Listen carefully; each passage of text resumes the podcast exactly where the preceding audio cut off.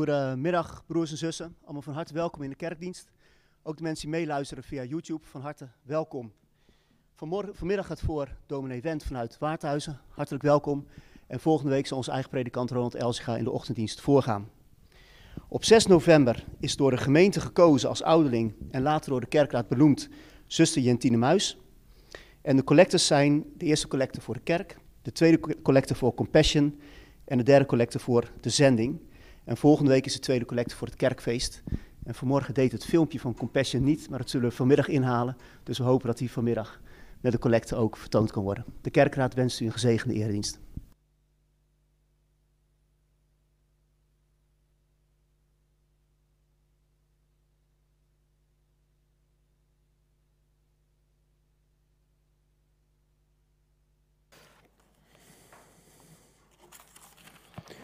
Goedemiddag, broers en zussen. Ik heb een uh, preek meegenomen over 1 Korinthe 4, vers 6, waarin Paulus, als dit in Korinthe heeft over eenheid en verdeeldheid, nou, u hebt de krant ook gelezen van de week, als dit heeft over eenheid en verdeeldheid, tot de conclusie komt, we moeten elkaar aan de schrift houden. We zingen na Fotum en Zeegroet een uh, loflied op onze Heren. Loof de Heer, alle gij volk, dat is een bewerking van Psalm 117 in de versie van opwekking 54. Maar laten we eerst gaan staan en onze afhankelijkheid beleiden van de Heer.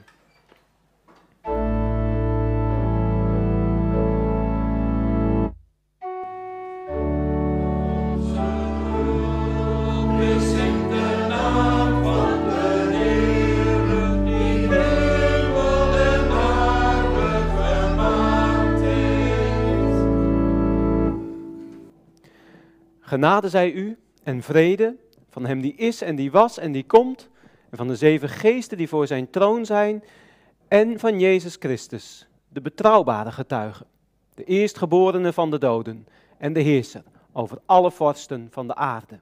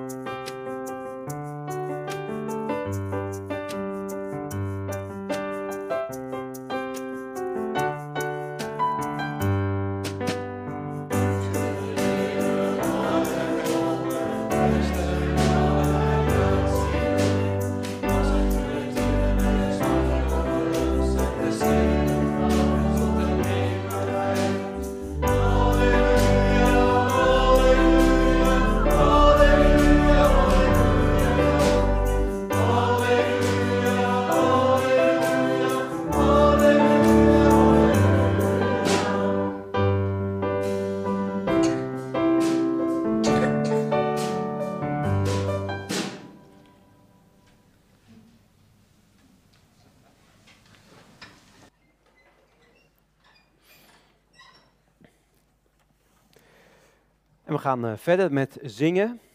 We gaan uh, de Heer vragen om ons te leiden door zijn woord, ons verstand te verlichten. Gebed om de opening van het woord door samen te zingen uit het nieuwe liedboek 314, vers 1, 2 en 3.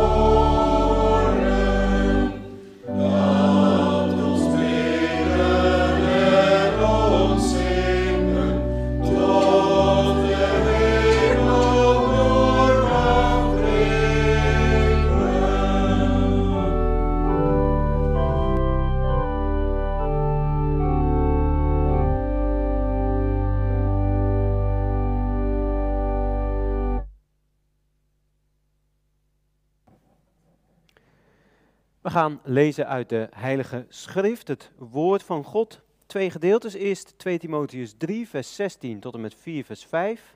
Dan zingen we Psalm 19, vers 3. En daarna 1 Korinthe 4, de versen 1 tot en met 6. En zingen uit dezelfde psalm het vijfde vers. Alle de schrift zegt is door God geïnspireerd en kan gebruikt worden om onderricht te geven, om dwalingen en fouten te weerleggen en om op te voeden tot een rechtschapen leven, zodat een dienaar van God voor zijn taak berekend is en voor elk goed doel volledig is toegerust.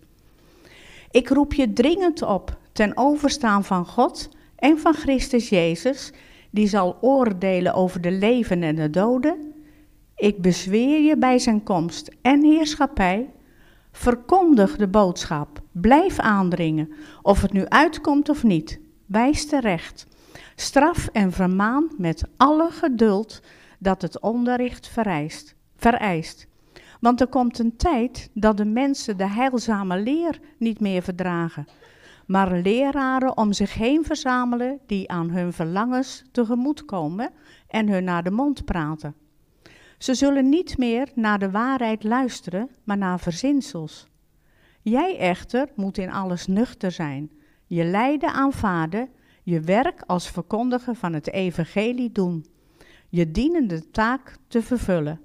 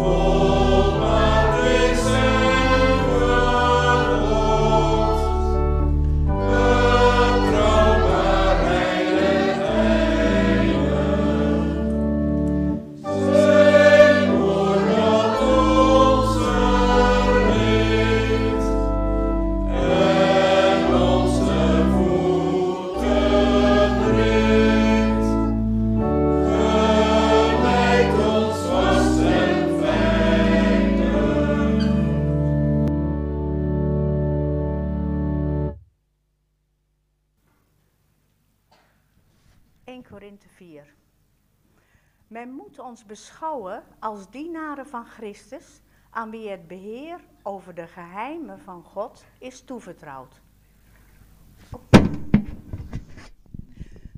Ik begin overnieuw. Men moet ons beschouwen als dienaren van Christus, aan wie het beheer over de geheimen van God is toevertrouwd.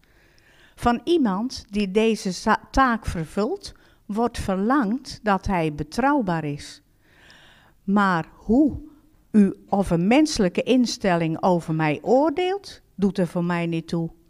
En hoe ik over mezelf oordeel, telt evenmin. Ik ben me weliswaar van geen kwaad bewust, maar dat betekent niet dat mij niets ten laste kan worden gelegd. Het is de Heer die over mij oordeelt. Hou dus op met oordelen en wacht de tijd af dat de Heer komt, omdat Hij het is die aan het licht zal brengen wat in het duister verborgen is, en zal onthullen wat er in de harten van mensen omgaat. En dan zal God het zijn die ieder de lof geeft die hem toekomt. Broeders en zusters, Ik heb hiervoor over Apollos en mijzelf gesproken. Dat heb ik gedaan omwille van u. Want als u uit ons voorbeeld de betekenis leert van de regel: houdt u aan wat geschreven staat, zal niemand meer zijn trots ontlenen aan de een ten koste van de ander. Dit is het woord van God.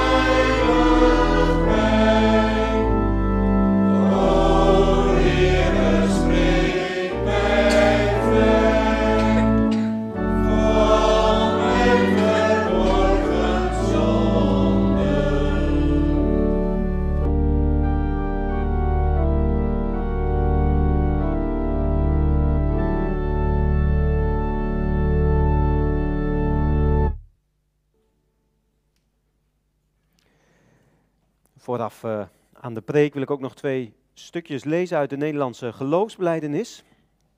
Artikel 5 daarvan en het begin van artikel 7, waarin wij het volgende beleiden als kerken over de Heilige Schrift. Wij ontvangen al deze boeken en deze alleen als heilig en kanoniek. Om ons geloof daarna te richten, daarop te gronden en daarmee te bevestigen en zonder in enig opzicht te twijfelen, geloven wij alles wat zij bevatten. En dat doen we niet zozeer omdat de kerk ze aanneemt en als kanoniek erkent, maar vooral omdat de Heilige Geest in ons hart getuigt dat zij van God zijn. Bewijs daarvan ligt bovendien in de boeken zelf. Want zelfs blinden kunnen tasten dat de dingen die erin voorzegd zijn, gebeuren. En het begin van artikel 7 wij geloven dat deze heilige schrift de wil van God volkomen bevat en voldoende leert al wat de mens moet geloven om behouden te worden. Daarin heeft God uitvoerig beschreven op welke wijze wij Hem moeten dienen. En daarom is het de mensen, zelfs al waren het apostelen, niet geoorloofd anders te leren dan ons reeds geleerd is door de Heilige Schrift. Zelfs niet een engel uit de hemel Zoals de apostel Paulus zegt. Het is verboden aan het woord van God iets toe te voegen of daarvan iets af te doen. Daaruit blijkt duidelijk dat wat daarin geleerd wordt volmaakt en in alle opzichten volledig is. De, vers zal zich, eh, de preek zal zich met name richten op het laatste vers dat we gelezen hebben. Broeders en zusters, ik heb hiervoor over Apollos en mijzelf gesproken heb ik gedaan omwille van u. Want als u uit ons voorbeeld de betekenis leert van de regel, houdt u aan wat geschreven staat, zal niemand meer zijn trots ontlenen aan de ene ten koste van de andere. Na de preek zingen we uit het nieuwe liedboek 316, versen 1, 3 en 4. Het woord dat u ten leven riep, is niet te hoog, is niet te diep.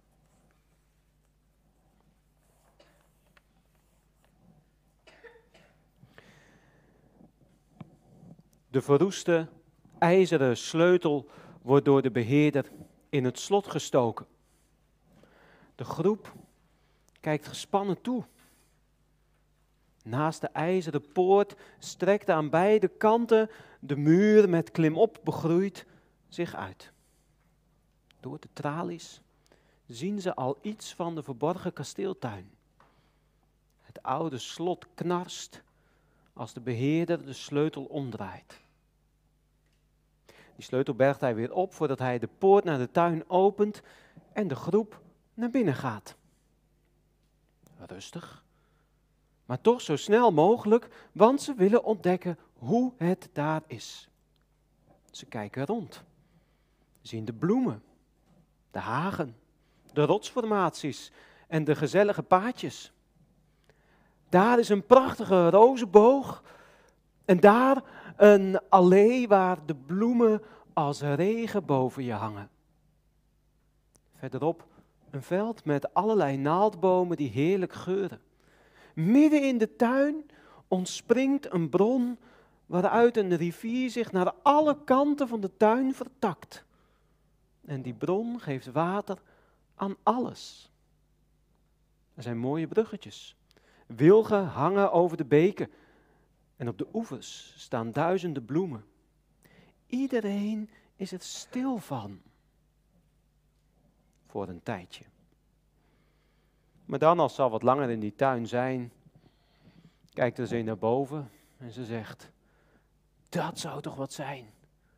Als wij tussen de sterren konden wonen. Als we naar Mars zouden kunnen gaan. Een ander is er ook wel op uitgekeken. Die vond het eigenlijk al best snel saai. Zit ergens bij de rand, bij een muur, hij kijkt rond en denkt, nou lekker bijzonder hier. Was ik maar aan de andere kant van de muur, in het bos, waar je tenminste vrijheid hebt. En zo, één voor één, ook door elkaar aangestoken, heeft in die groep niemand meer oog voor de tuin. Ze waren liever ergens anders.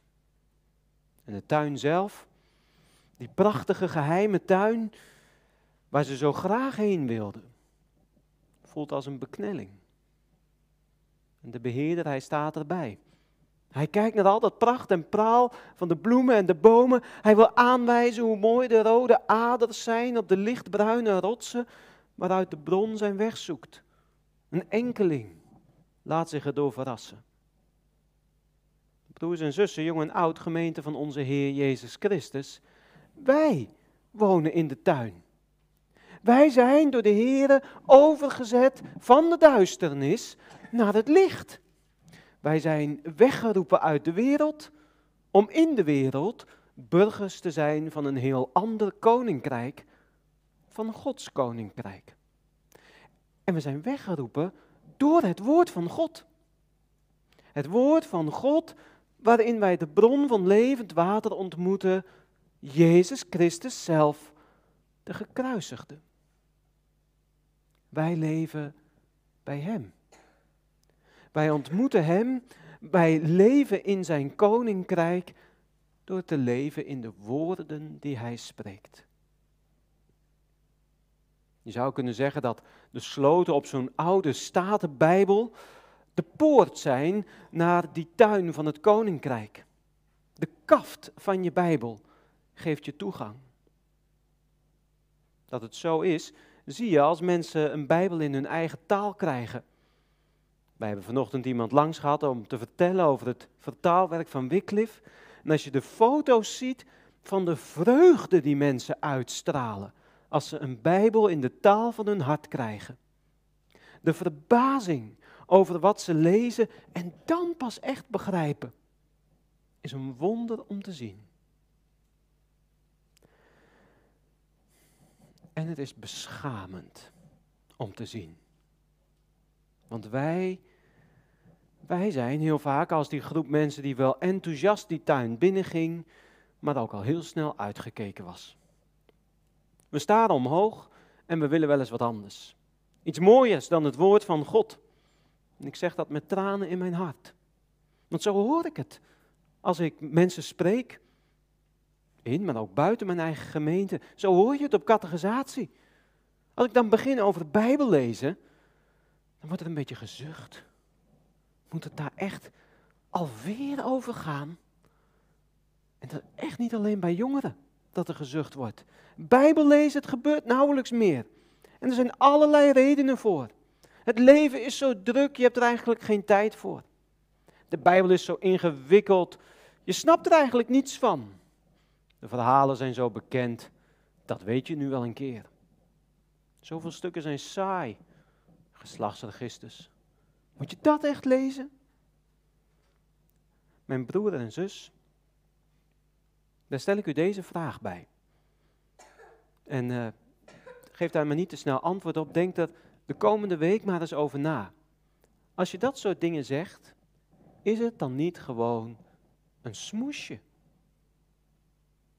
Is het niet ook zo dat onze zondige natuur gewoon niet zo graag wil Bijbel lezen? En dat je daar heel gemakkelijk aan toegeeft. Vaak gaan we met de Bijbel ook om alsof het een, een soort wetboek is.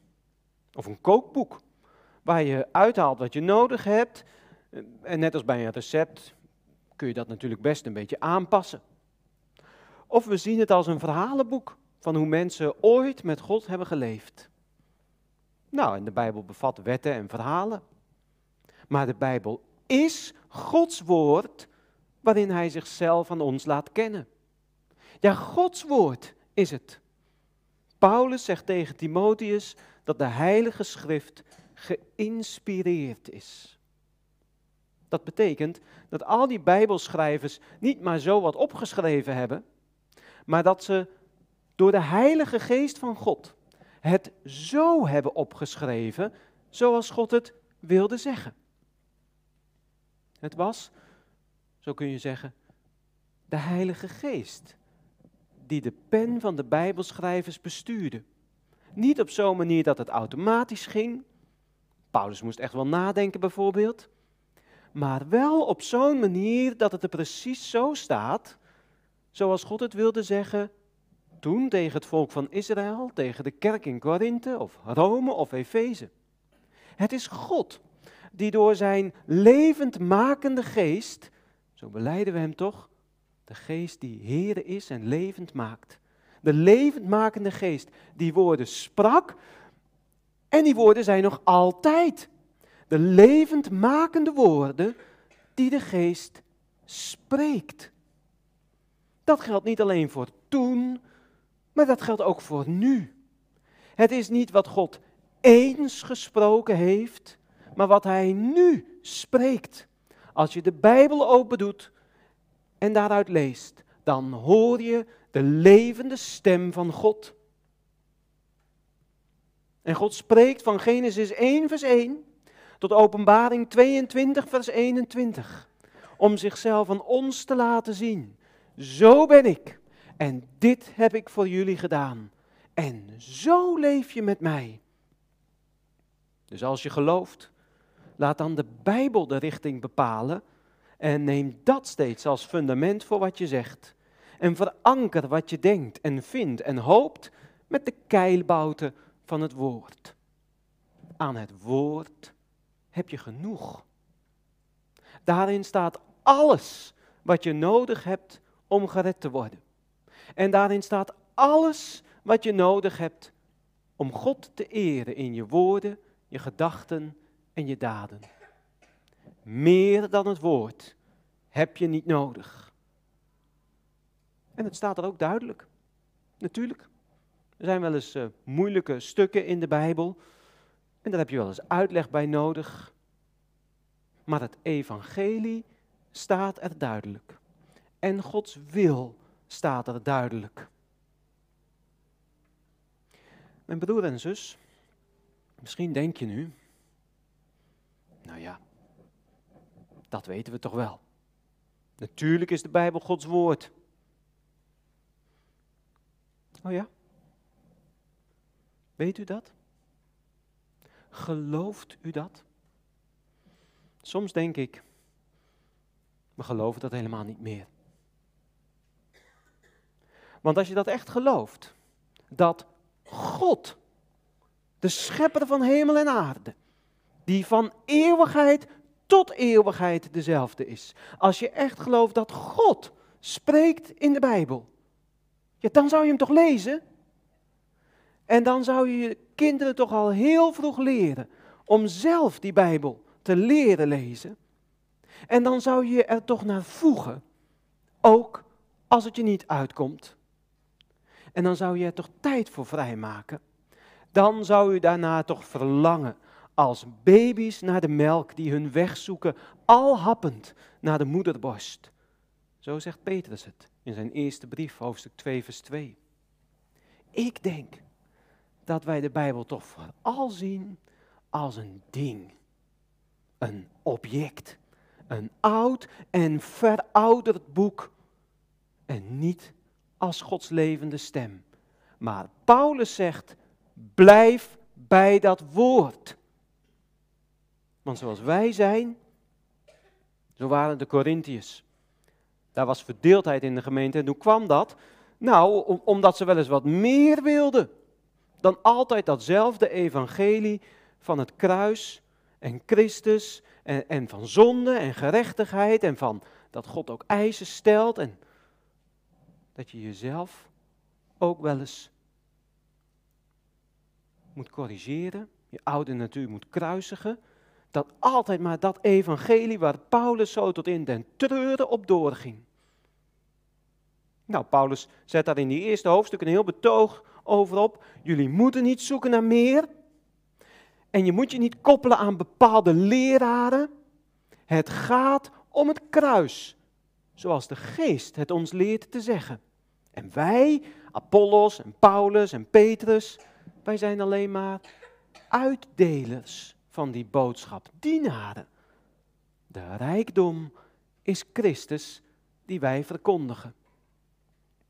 En aan het einde van zijn betoog komt hij dan tot deze conclusie. Ik heb dit alles geschreven omdat u deze regel leert. Houd u aan wat geschreven staat. Letterlijk zegt hij, niet boven wat geschreven is. Ga daar niet bovenuit. Wat geschreven staat is de enige maatstaf in de kerk. Niet verborgen waarheden, niet de stijl, niet de buitenkant, niet de tradities, maar alleen wat God geopenbaard heeft in zijn woord. Ga er niet bovenuit.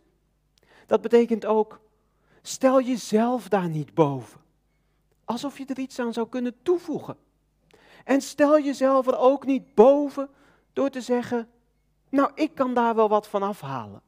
Ik kan wel beoordelen of wat God hier zegt echt belangrijk is of toch niet zo belangrijk is. Stel jezelf er niet boven door de kennis die je hebt, want je kennis moet gecorrigeerd worden door Gods kennis. En wat je voelt van wat goed en niet goed is, denk niet dat jij het daarmee beter weet dan God. Zeg ook niet, de, de Bijbel is nou eenmaal tijdgebonden en wij leven in een nieuwe tijd waar de Bijbelschrijvers geen weet van hadden. Wij weten meer en wij moeten verder denken dan de Bijbel. En zeg ook niet, ach ik heb die Bijbel niet zo nodig voor mijn persoonlijk geloofsleven, want dan stel je je er ook boven. Mijn broer en mijn zus, leef in die tuin van Gods woord. Blijf in die tuin.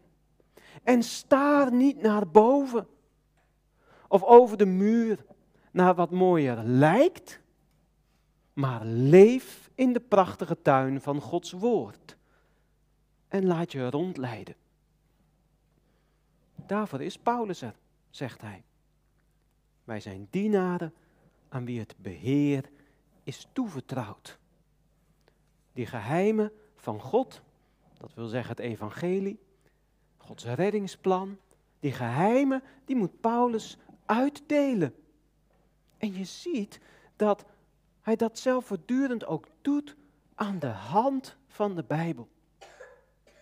Ga maar eens op letten als je het Nieuwe Testament leest, hoe vaak er dan staat, want er staat geschreven. Of want de geest zegt. En dan komt er een citaat uit het Oude Testament. Of opdat in vervulling zou gaan. Dan is Paulus als een gids in de tuin van Gods woord, waarin hij onze aandacht richt op wat er te zien is, op wat voor een soort bloem dat eigenlijk is en hoe mooi die bloem in elkaar zit. Of hij leert ons hoe de paadjes lopen. En hij vertelt dat alles gevoed wordt door dat levende water, dat Christus de bron is die leven geeft. Zo is het bij Paulus. Nou, en daar, daar mag hij ook echt wel op beoordeeld worden. Daar beoordeelt hij zichzelf ook wel op. Zoals hij Petrus daarop beoordeelde, lees maar na in Galaten. En zoals hij Titus en Timotheus dat gebood. En daar moet u als gemeente de kerkraad ook op beoordelen. Is het wel Gods woord waardoor ze zich laten leiden? Voor die beoordeling, voor die beoordeling moet ik zeggen, is het al wel de goede tijd. Maar je kunt niet over alles een oordeel vellen. Paulus laat zich niet beoordelen op uiterlijkheden, of op stijl, of op of het praktisch of theoretisch is wat hij zegt. Hij laat zich ook niet beoordelen op wat verborgen is. Zo verborgen in zijn eigen hart dat hij het zelf niet eens kent. Was de motivatie echt altijd zuiver? Was hij altijd zachtmoedig? Dat soort dingen. Daar kan alleen de Heer Jezus over oordelen en niemand anders. Nou, dat even terzijde, omdat de tekst daar ook iets over zegt. Maar als wij in die tuin van Gods woord willen leven, als we de diepte en de schoonheid daarvan willen zien en dicht bij God willen leven, als we Hem willen leren kennen, dan moeten we ons laten rondleiden, dan moeten we kijken en bestuderen. De Bijbel lezen en erover nadenken en naar uitleg erover luisteren en er nog eens wat extra over lezen. Nou ja, dan wordt hier in de streek vaak gezegd, we zijn nou eenmaal doeners en geen lezers. Ik vind het prima. Ik zeg ook niet dat je de hele dag moet zitten Bijbel lezen. Maar er elke dag, s ochtends en s avonds tijd voor vrijmaken, als u dan wilt weten wat u moet doen, dat moet u doen en erover nadenken en doorpraten of luisteren naar wat gidsen in het woord daar al over gezegd hebben, is het niet vreemd dat vroeger, toen het opleidingsniveau echt veel lager was en er veel minder werd gelezen dan nu, er wel veel meer werd Bijbel gelezen en veel meer aan Bijbelstudie werd gedaan, om de schoonheid van die tuin te laten zien. Paulus legde het uit en gaf het door aan Timotheus en zo de eeuwen door, tot op de dag van vandaag. Het gaat niet om de dienaar, het gaat om de schatten van het woord die ze uitdelen. Broers en zussen, leef in dat woord, laat je er rondleiden en leef in verwondering.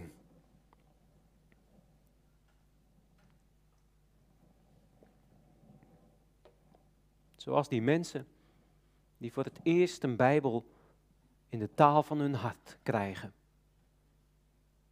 Zij verwonderen zich over het woord van God. En als u de verwondering daarover kwijt bent of nog nooit hebt gevoeld, leer dan van onze broers en zussen het wonder van dat woord te zien. Want wie zich verwondert over de schrift, die gaat niet meer de ene leraar in de kerk aanhangen ten koste van de ander. In de hoop om verder te komen dan het woord. Om naar de sterren te kunnen kijken of naar de sterren te kunnen reizen. In plaats van in de tuin van Gods woord te blijven. De verdeeldheid in Korinthe vindt zijn oplossing in onderwerping aan geen enkel mens en geen, enkel, geen enkel menselijk woord of gedachte of theorie, maar alleen aan Gods woord en eenheid nu kan ook alleen maar door ons niet te verheffen boven het woord en het terug te brengen tot een evangelie dat op een A4'tje of misschien zelfs wel op een post-it past. Maar door te leven in dat volle woord van God. dan stel je je niet boven de ander. Dan stelt ook de ene kerk zich niet boven de ander. En dan haal je geen autoriteiten van vroeger of nu aan ten koste van de ander. Maar je wilt je samen voegen onder het woord, om daar samen naar te leven. En daarom laat je je door elkaar toetsen aan de Bijbel. Om samen, ten alle tijden, verwonderde leerlingen te zijn. Samen met de kerk van alle tijden en van alle plaatsen. Dat is de richtlijn die Paulus, nee, dat is de richtlijn die de Heilige Geest geeft naar aanleiding van de verdeeldheid in Korinthe. En dat is de weg die hij nu ons nog wijst. Door zijn levende woord in de wereld van vandaag. Amen.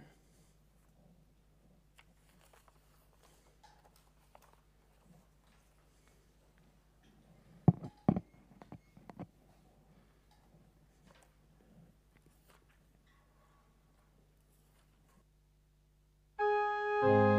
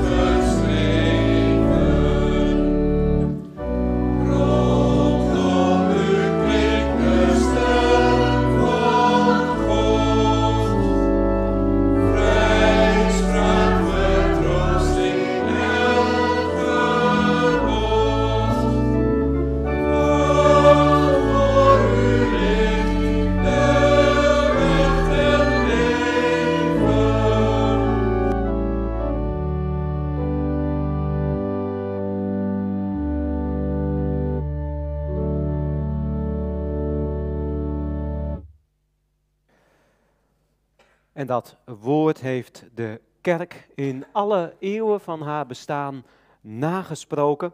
En wij gaan dat ook doen. We gaan met die kerk van alle tijden en plaatsen ons geloof beleiden, met de apostolische geloofsbeleidenis. En daarna zingen we het lied Mijn Jezus, mijn redder. Laten we gaan staan en ons geloof beleiden.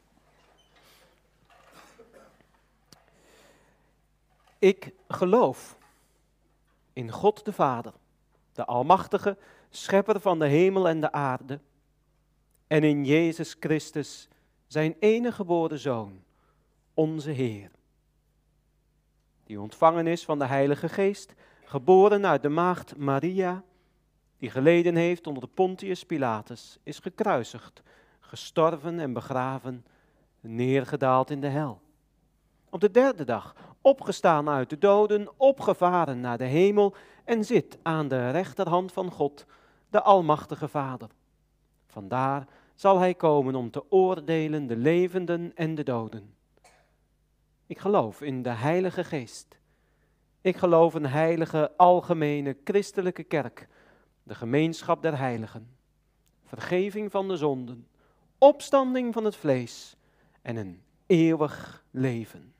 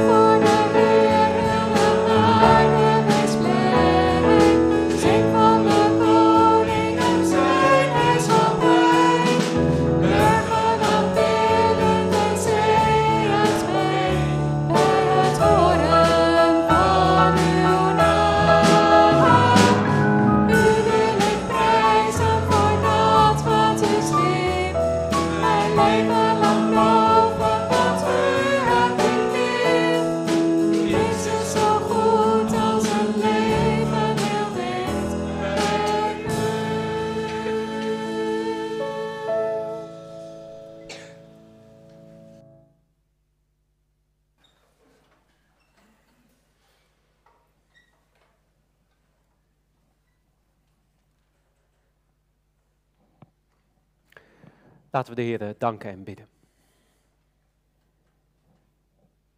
Heer, wij danken u voor die eenvoudige regel die u geeft, die u geeft in uw eigen woord, niet boven wat geschreven staat. Wij danken u dat wij dat zo hebben leren beleiden, maar heren, beleiden met de mond of op papier is nog niet hetzelfde als echt geloven met het hart. Wilt u door uw Heilige Geest in ons allemaal en ook in ons kerkverband en alle kerken in ons land, ja alle kerken in deze wereld, het levende geloof geven dat de Bijbel niet dat is wat eens gesproken is, maar dat u het nu spreekt. En dat zoals het er staat en wat er staat, ook precies is wat u bedoelt te zeggen. Niet onze selectie ervan, maar heel uw spreken.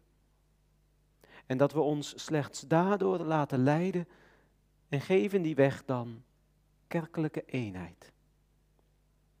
Heer, wij bidden u met onze vervolgde broers en zussen te zijn. Geef hen kracht om vol te houden. Geef ze liefde om te getuigen van dat ene ware evangelie. En geef dan bij hun onderdrukkers bekering. Heer, wij bidden u voor de wereld. Zegen de scholing in alle landen, zodat de kinderen leren lezen en op termijn uw woord leren lezen. Leer de volwassenen hier en overal om de kinderen daarin voor te gaan en ze dat te leren. Wij bidden u voor iedereen die in slavernij leeft. Grijp spoedig in, heren. Stuur uw zoon, onze verlosser. En laat ons op die dag gevonden worden in hem, zodat we zuiver en smetteloos zijn, alsof we nooit enige zonde gehad of gedaan hebben. Bewaar ons tot die tijd. Hou de verleidingen, zoveel verleidingen, ver van ons. Help ons om te strijden tegen de duivel, de wereld en ons eigen vlees. En geef ons tegen die verleidingen in onze hand het zwaard van de geest, uw woord. Heer, geef dat we ons daarin onderdompelen, ervan doordrenkt zijn en erin leven. Wij bidden u voor alle zieken Wees met hen die lijden aan Alzheimer of dementie of een andere hersenziekte waardoor je zo anders wordt dan je was. Zegen hen. En zegen ook degene die hen verzorgen. Heer, wij vragen altijd veel en vergeten om dankbaar te zijn. Maar Vader, Zoon en Heilige Geest, wij prijzen u om uw scheppingswerk, om uw verlossingswerk, om de herschepping nu en straks. Wij danken u, wij prijzen u, wij loven uw naam, waarin we uw trouw en uw liefde en uw recht horen. Laat, heren, alles op aarde en alles in de hemel, nu en tot in alle eeuwigheid, uw glorie bezingen. Halleluja. Amen.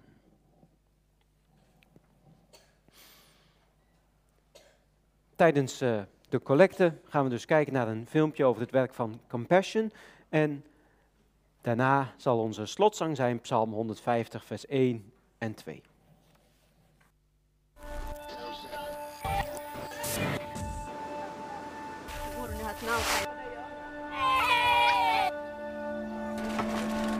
Current statistics indicate that nearly half the world's population lives in poverty, defined as less than 2 US dollars a day.